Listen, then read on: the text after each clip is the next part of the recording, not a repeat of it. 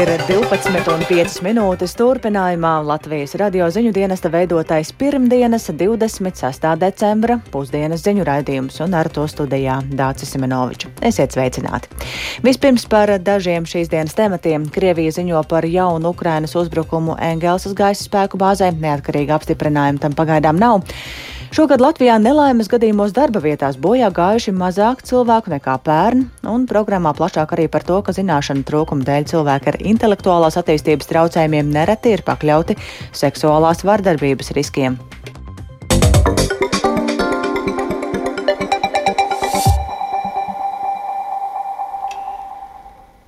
Ukrainas drona triecienā aizvadītajā naktī Krievijas Engelsas gaisa spēku bāzē Saratovā dzīvību ir zaudējuši trīs Krievijas karavīri, tā apgalvo Krievijas propagandas mediji.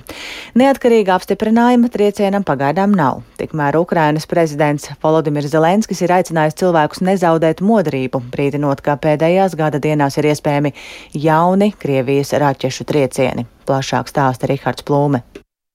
Drona trieciens Engelsas gaisa spēku bāzei ir jau otrais bezpilota lidaparātu uzbrukums šai vietai šomēnes.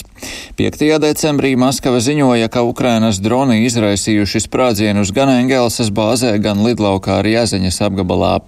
Krievija vairāk kārt izmantojusi Engelsas gaisa spēku bāzi, lai veiktu raķešu uzbrukumus mērķiem Ukrainā.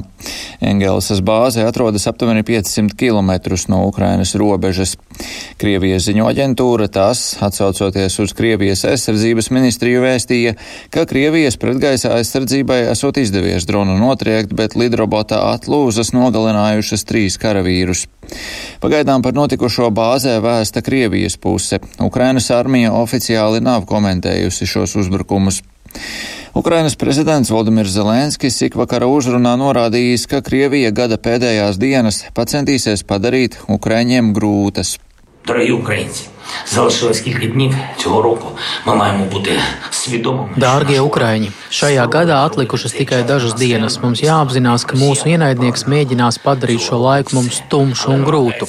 Krievija šogad zaudēja visu, ko varēja, bet savus zaudējumus tā cenšas kompensēt ar savu propagandistu ņirgāšanos pēc raķešu triecieniem mūsu valstī, mūsu enerģētikas sektoram. Es zinu, ka tumsa mums netraucēs novest okupantus līdz jaunām sakāvēm taču mums ir jābūt gataviem jebkuram scenārijam. Lūdzu, pievērsiet uzmanību gaisa trauksmes signāliem šajās dienās. Vēlreiz sameklējiet un atcerieties, kur atrodas tuvākais neuzvaramības punkts. Ukrainas premjerministrs Denis Šmihāls pavēstījis, ka partneru palīdzība enerģētikas nozares atbalstam uzņem apgriezienus. Partneri solījuši atbalstu gandrīz pusotra miljārda dolāru apmērā, un katru dienu ierodas papildu tehnika, lai salabotu bojāto infrastruktūru. Jau pienākušas vairāk nekā 200 energotehnikas krāvas. Ģeneratoru sūtījumi turpina doties uz Ukrainu regulāri. Bet Ukrainas valsts policijas priekšnieka preses sekretāre Marijana Reva paziņojusi, ka vecgada vakarā komandants stunda Ukrainā netiks atcelta, un tie, kas to neievēros, tiks aizturēti. Komandants stunda Ukrainā aizvien ir spēkā katru dienu no 11. vakarā līdz 5. no rīta. Arī pirotehnika un tās tirzniecība un izmantošana gandrīz visā Ukrainas teritorijā ir aizliegta, un policija reaģēs uz tās izmantošanu. Bet turpinoties kaujām Ukrainas austrumos, Ukrainas aizstāvji Donbasā pēdējā diennaktī atvairījuši ienaidnieka uzbrukumus 16 apdzīvotām vietām. Ukrainas aizsardzības ministrijas galvenās izlūkošanas pārvaldes vadītājs Kirilo Budanovs uzskata, ka Krievijas militāra personas šobrīd nespēs pastiprināt ofensīvu pret Ukrainas pozīcijām, tādēļ principiālas situācijas izmaiņas tuvākajā laikā nav gaidāmas. Bahmuta esot vienīgā vieta frontē, kur Krievijas armija šobrīd joprojām mēģina uzbrukt, tomēr kopš augusta nav guvusi īpašus panākumus. Savukārt raķešu triecienus Krievija turpina vairākās vietās, ne tikai austrumos, bet arī dienvidos, pēdējās dienās intensīvi apšaudot, piemēram, Hersonu. Rihards Plūme, Latvijas radio. Ziemeļkoreja ar bezpilota lidaparātiem šodien ir pārkāpusi Dienvidkorejas gaisa telpu, pamudinot Dienvidkorejas bruņotos spēkus pacelt gaisā militārās lidmašīnas un izšauta brīdinājumu šāvienus, tā ziņo Seula. Šī ir pirmā reize kopš 2017. gada, kad Ziemeļkorejas droni ir ielidojuši Dienvidkorejas gaisa telpā.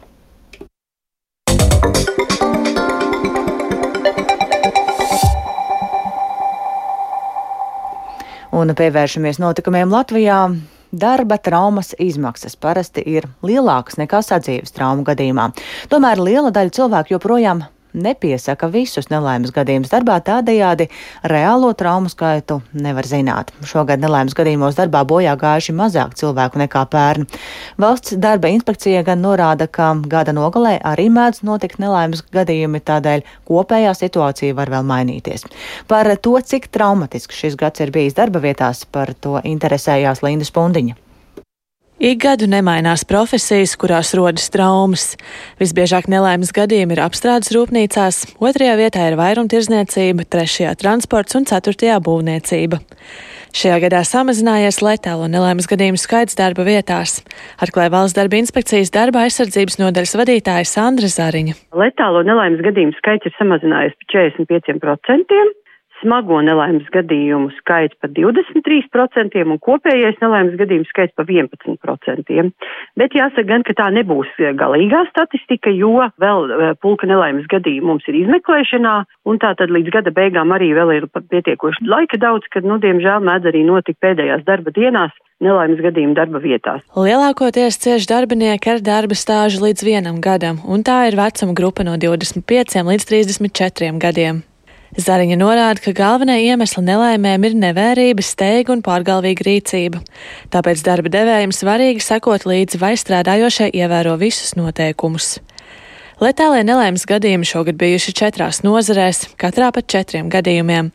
Lauksaimniecība, mežsaimniecība, zivsaimniecība kā viena nozara, apstrāde būvniecība un transporta nozara pieci ir ceļu satiksmes negadījumi un divi ir um, dabīgās nāves. Trešdaļa ir um, šādā veidā gājis bojā darba vietā. Pēc tam, ja mēs paskatāmies lielākā grupa, tas ir pieci cilvēki cietuši ar letālām sekām darba vietās tādēļ, ka viņiem ir kaut kas uzkritis virsū. Tātad vai nu tas ir koks aizzāģēts, vai nu tās ir dažādi jumta pārsegumi, detaļas, kas tiek montētas, demontētas, zāģētas. Trīs ir bijuši, kad ir darbinieks iespiests uh, ierauts kaut kur starp detaļām, divi ir iekrituši tātad veicot darbus uz kuģa vai palīdzot uh, kuģim piestāt piestātnē, un uh, ir arī divi, kur cilvēku uztin uh, nenosaktas šīs rotējošās daļas ja cilvēks tiek aptīts, ietīts un, un tādā veidā iestājas nāve, vēl ir gadījums, kad iekrīt atvērtā lūkā.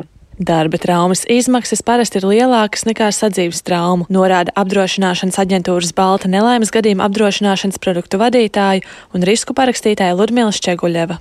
Katru gadu darba traumas apdrošināšanas kompānijā izmaksā vairāk nekā 100 tūkstošus eiro, un tie ik gadu ir aptuveni 6% no visām izmaksātajām atlīdzībām. Tomēr ne visi piesaka darba traumas, teica Ludmila Šķeguļeva. Ļoti liela cilvēku daļa joprojām nepiesāk visas darba traumas, ka darba traumas ka darba devēja un darbinieki viņi mēģina izvairīties no akta sastādīšanas un tādiem procesuāliem jautājumiem, bet šeit katram cilvēkam ir jāsaprot, ja viņam ir konstatēta darba trauma, tad viņam ir arī lielāka aizsardzība, ja būs kaut kādas darba traumas sekas turpmāk. Kopš 2019. gada pieteikto traumu skaits darba vietās ir samazinājies. Tas iespējams skaidrojams ar attālināto darbu, kad nelaimes gadījumi notiek mājās, nevis darbā. Tas skaidrojams arī ar to, ka kopējais traumatisms nav samazinājies. Linda Spundiņa, Latvijas radio.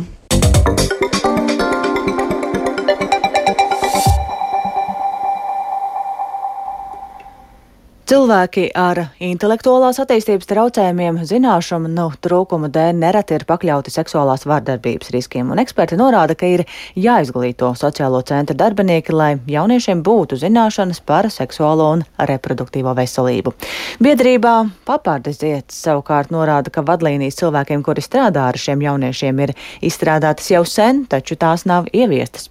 Plašāk par to Sintīs Ambotas ierakstā. Biedrības cerības pārni vadītāja Eva Viļķina secina, ka par seksuālās veselības zināšanu trūkumu liecina pašu klientu pieredze. Biedrība sniedz sociālos pakalpojumus, kuros ietilpst četras grupu mājas, trīs dienas centra un divas specializētās darbnīcas tieši personām ar intelektuālās attīstības traucējumiem. Jo cilvēkus ar eh, garīgiem traucējumiem ļoti ātri var izmantot. Viņus var apvārdot, viņiem var sastāstīt. Ir bijuši tādi gadījumi, kad cilvēks nāk un stāsta, ja taksa šoferis man mani aizveda, bet par to man paprasīja baudu, jā, nu, seksuālu. Tas cilvēks jau neuztver to. Viņš to stāsta, kā man tas bija jāizdara. Tāpat arī ļoti daudz jārunā par, ja ir šiem jauniešiem seksuālās attiecības, Tad tālāk ir par to, kā radās bērns, jā, kādas ir atbildības. Biedrība Cerības pārni sadarbojoties ar biedrības papardes ziedas speciālistiem, iepriekš gan ir īstenojusi izglītojošas programmas klientiem par attiecību, seksualitātes, higiēnas un veselības tēmām. Taču, lai labāk pasargātu šos cilvēkus, nepieciešama vienota praksa valstī, kas izglītot arī sociālo centru darbiniekus, kuri ikdienā strādā ar šiem cilvēkiem, uzskata Viļķina. Tam būtu jābūt ne tikai tā, ka mēs tur esam izdomājuši, ka tas ir vajadzīgs un, un priecājamies, ka tas tā labi strādā, tai jau būtu jābūt kā sistēmai valstī.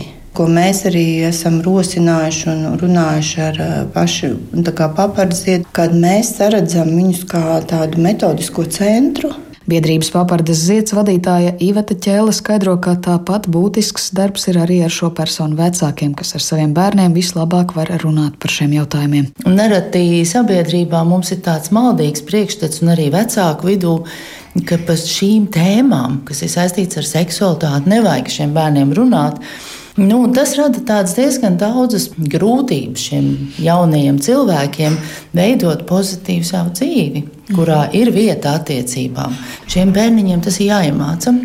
Šīs gan sociālās normas, gan kā pateikt nē, gan kā sevi pasargāt. Pat labāk nav statistikas par to, cik lielā mērā tieši Latvijā jaunieši ar intelektuālās attīstības traucējumiem ir pakļauti seksuālo infekciju vai vardarbības gadījumiem. Ja būtu iespēja apsēsties ar ministrijām pie viena galda un izdomāt piecu gadu laikā, mēs gribam, lai visiem bērniem Latvijā, kuriem ir intelektuālās attīstības traucējumi, mēs iedodam šīs zināšanas un prasmes.